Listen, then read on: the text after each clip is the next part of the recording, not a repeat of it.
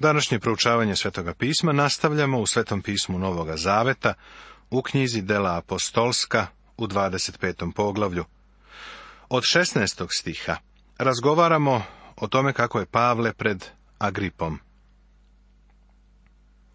Ja im odgovorih da nije običaj u Rimljana da se jedan čovek izruči, preno što se optuženi suoči sa tužiteljima i preno što bi dobio priliku da se brani od optužbe voleo bih da ti na ovo skrenem pažnju. Ponekad mislimo da rimski zakon nije bio pravedan, jer smo vidjeli da je u slučaju sa gospodom Isusom, kao i sa apostolom Pavlom, bio iskrivljen. Međutim, ovo se nije desilo zbog zakona, već zbog pokvarenih političara. Mi još uvek delujemo po principu rimskog zakona, da nijedan čovek ne može biti osuđen, dok se ne dovede pred svoje optužitelje i dok se ne utvrdi njegova krivica. Stoga, kad se ovi ovdje sastaše, ne odlažući imalo, odmah sutradan, sedoh na sudijsku stolicu i naredih da dovedu tog čoveka. Ali tužitelji koji su stajali oko njega nisu iznosili ni jedne krivice za zlo delo, koje sam ja pretpostavljao, već su iznosili protiv njega izvesna sporna pitanja koja se tiču njihove vere i izvesnog Isusa koji je umro, a Pavle za njega govori da je živ. Tema je uvek ista, vaskrsenje. Iz ovoga vidimo da je Pavle svedočio o vaskrsenju Isusa Hrista i da je Fest za to znao. Ne znajući šta da radim u raspravi o ovim stvarima, Rekoh, da li bih hteo da ide u Jerusalim i da mu se onde sudi za ovo. Pošto je Pavle međutim uložio priziv da ga čuvamo do odluke carskog veličanstva, naredih da ga čuvaju dok ga ne pošaljem caru. Na to će Agripa festu, hteo bih i ja da čujem toga čoveka. Čućeš ga sutra, reče fest. Fest je na neki način ovde sedeo na vrućoj stolici. Pavle je optužen za pobunu, a za to se gubio život. Ali on nije počinio nikakvo krivično delo. Sada Pavle upućuje apel caru. Šta da uradiš sa ovakvim zatvorenikom? Zato on moli Agripu da mu u ovome pomogne. Mišljenja sam da je Agripa već bio čuo za Pavla, i da je jedva čekao da ga čuje. Želeo je da više sazna o optužbama i o tome šta Pavle ima da kaže. Zato je ugovorio sastanak. Zanimljivo je vidjeti kako ovaj sastanak ugovaraju namesnik i kralj. Oni su u stvari ispunjavali proroštvo, iako toga nisu bili svesni. Pavle treba da se pojavi pred kraljevima, kao što je gospod rekao. Saslušanje pred Agripom i Festom Tako sutradan Gripa i Vernika dođoše s velikim sjajem, pa uđoše u sudnicu zajedno sa zapovednicima i najuglednijim ljudima u gradu. A na Festovu zapovest dovedoše Pavla. Kakav je ovo prizor? Da li je ikada neki propovednik imao veće slušalište od ovoga? Okruženje je dramatično, prisutna je velika pompa i ceremonija. Pavle se u okovima pojavljuje pred ovim skupom kraljeva i vladara. Fest traži od Agripe da mu pomogne da uobliči optužbu protiv Pavla, da bi ga poslao kod cara. U to reče Fest. Kralju Agripa i svi vi ljudi koji ste prisutni, gledajte ovoga zbog koga je navalilo na mene sve mnoštvo judeja u Jerusalimu i ovde, vičući da on ne treba više da živi. Ali koliko sam ja dokučio, on nije učinio ništa što zaslužuje smrtnu kaznu. I pošto je on sam uložio priziv caru, odlučih da ga pošaljem. Za njega nemam ničeg sigurnog da napišem gospodaru. Zato sam ga izveo pred vas, osobito pred tebe, kralju Agripa, da bih posle ispitivanja imao šta da napišem. Jer mi izgleda nerazumno poslati sužnja, a ne naznačiti krivice koje su protiv njega navedene. Pavle koristi ovu priliku da propoveda jednu od najvećih propovedi ikada zapisanih. Poglavlje 26.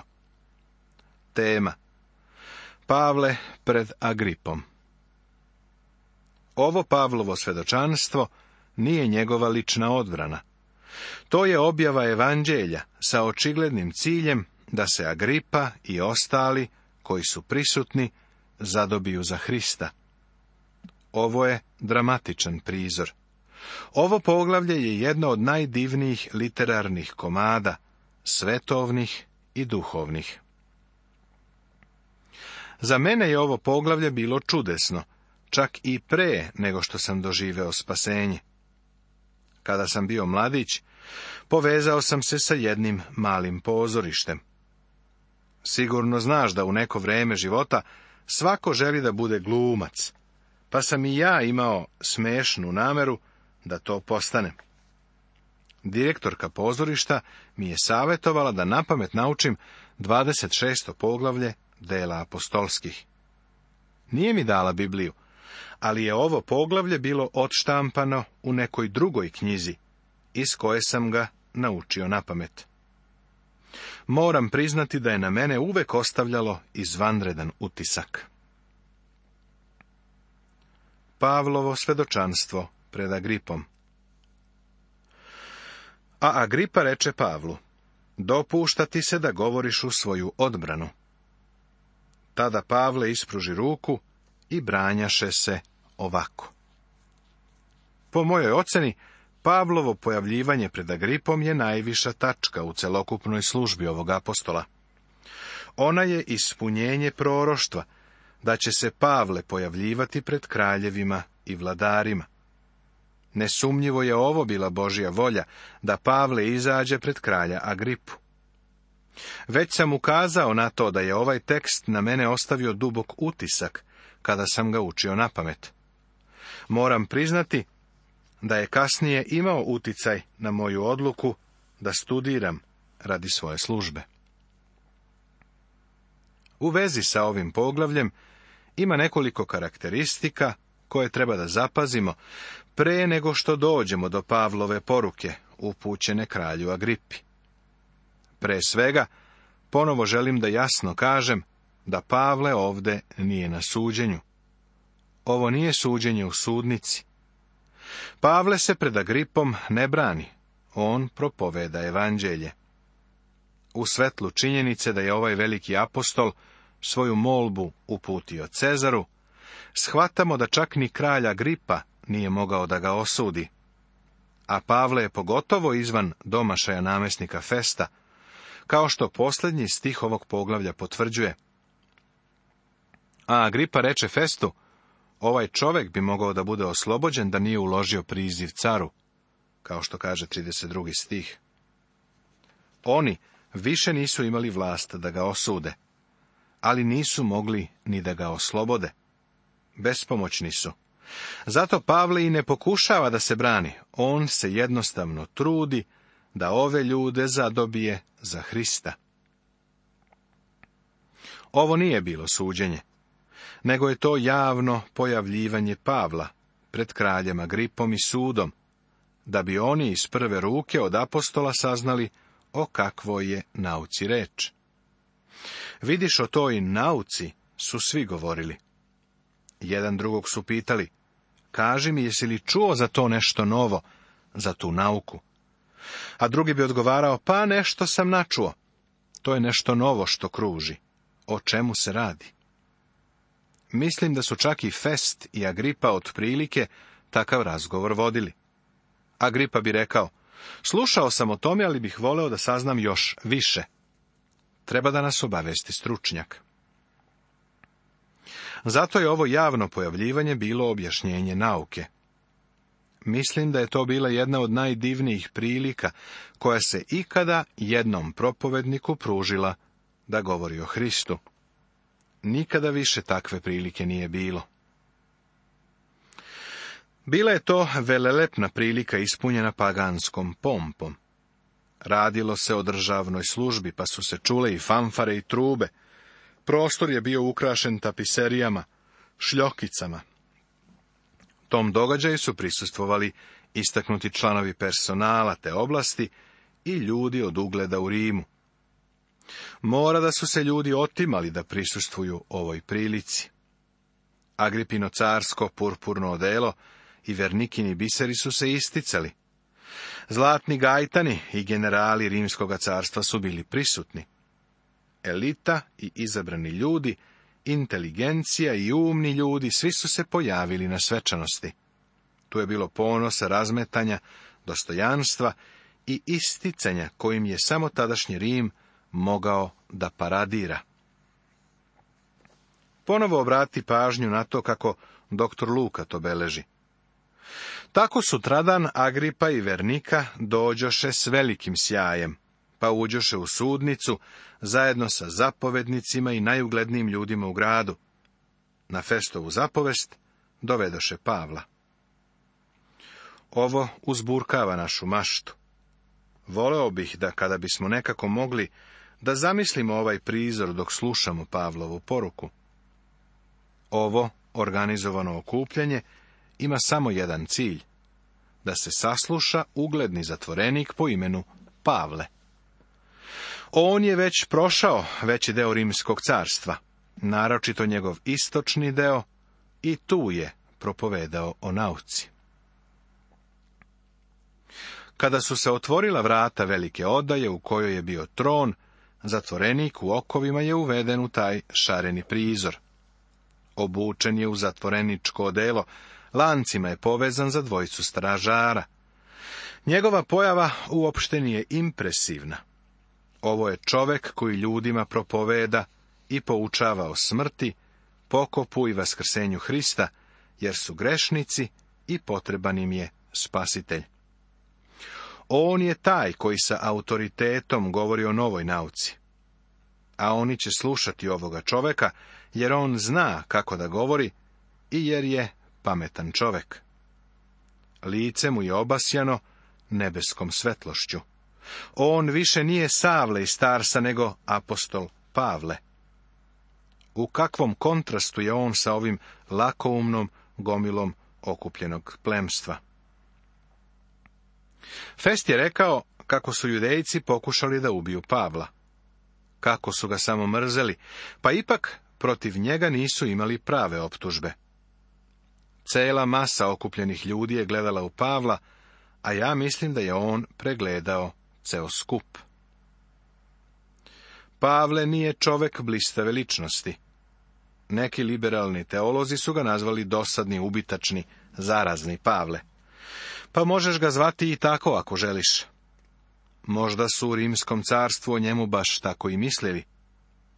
Sjeti se da je gospod Isusu rekao, ako vas svet mrzi, znajte da je mene mrzeo pre vas, kako je zapisano u Evanđelju po Jovanu u 15. poglavlju, u osamnaestom stihu.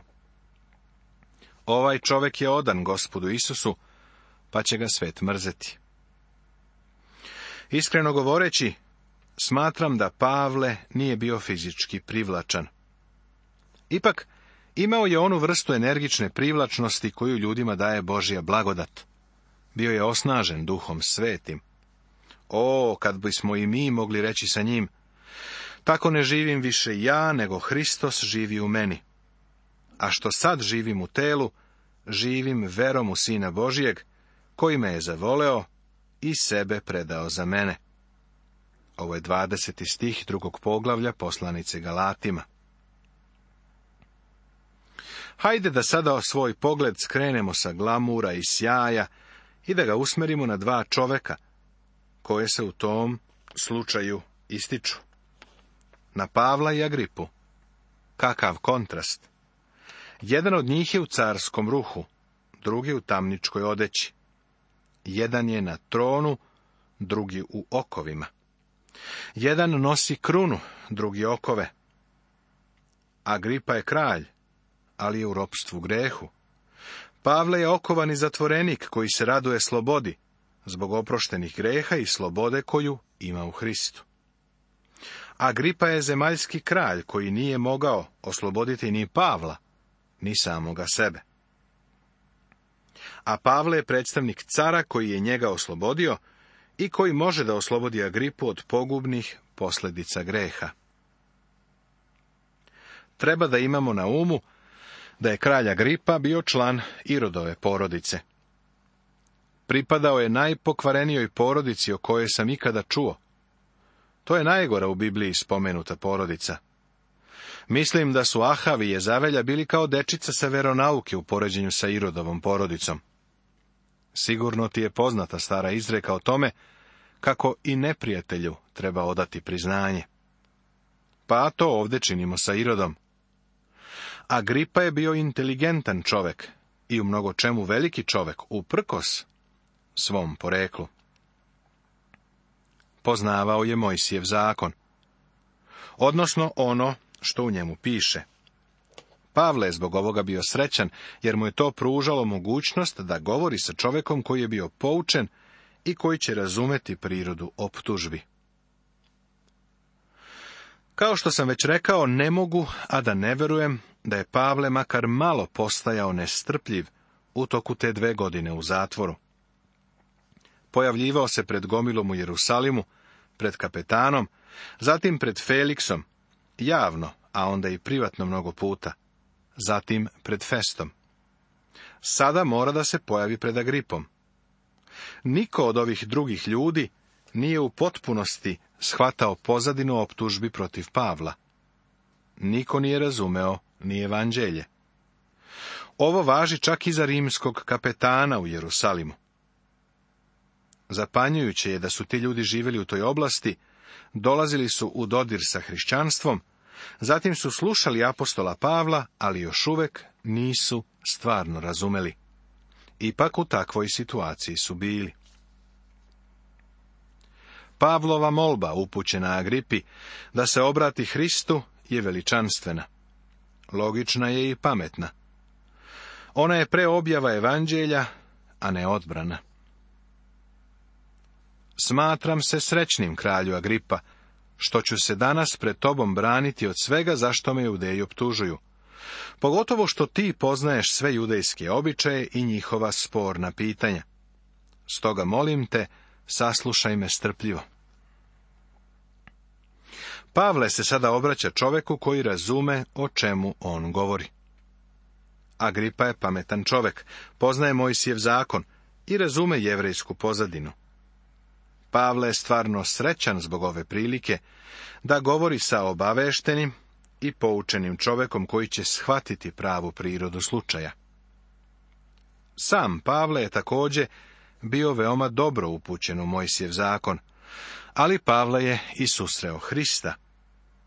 Zato sada zakon za njega ima novi smisao. Pavlova duša je preplavljena novim svetlom. On sada vidi da je Hristos kraj zakona pravednosti. Zna da je Bog obezbedio ono što je sam tražio. Zna da je Bog dobar i kroz Hrista velikodušan. Pavle želi da i kralja Gripa to zna. Dok apostol Pavle govori, njegovu dušu ispunjava žar. Mislim da je ovo remek delo. Njegova poruka na Marsovom brdu je velika, ali se ne može uporediti sa ovom. Iako sigurno ima nekoliko stotina prisutnih ljudi koji slušaju ovu poruku, Pavle govori samo jednom čoveku, kralju Agripi. Pavle se trudi da ga zadobije za Hrista. Pavle započinje sa vrlo učitivim uvodom, u kome Agripi govori o tome koliko je srećan zbog ove prilike. Zatim nastavlja i kralju Agripi iznosi vrlo sažet prikaz svoje mladosti i porekla, a zatim govori o svom obraćenju. Na kraju pokušava da ovog čoveka dosegne za Hrista. Želeo bih da te zamolim da pročitaš celu poruku bez prekidanja. Ona nam priča svoju priču. A kada pročitaš celu poruku bez prekidanja, onda ću ja da dam neke komentare. Nakon što Pavle iznosi jednostavno objašnjenje svoga stava, koji je prirodna posljedica njegovog porekla, on će nastaviti da priča o tome kako je živeo kao farisej, a zatim govori o svom doživljaju na putu za Damask. Nastavit će se.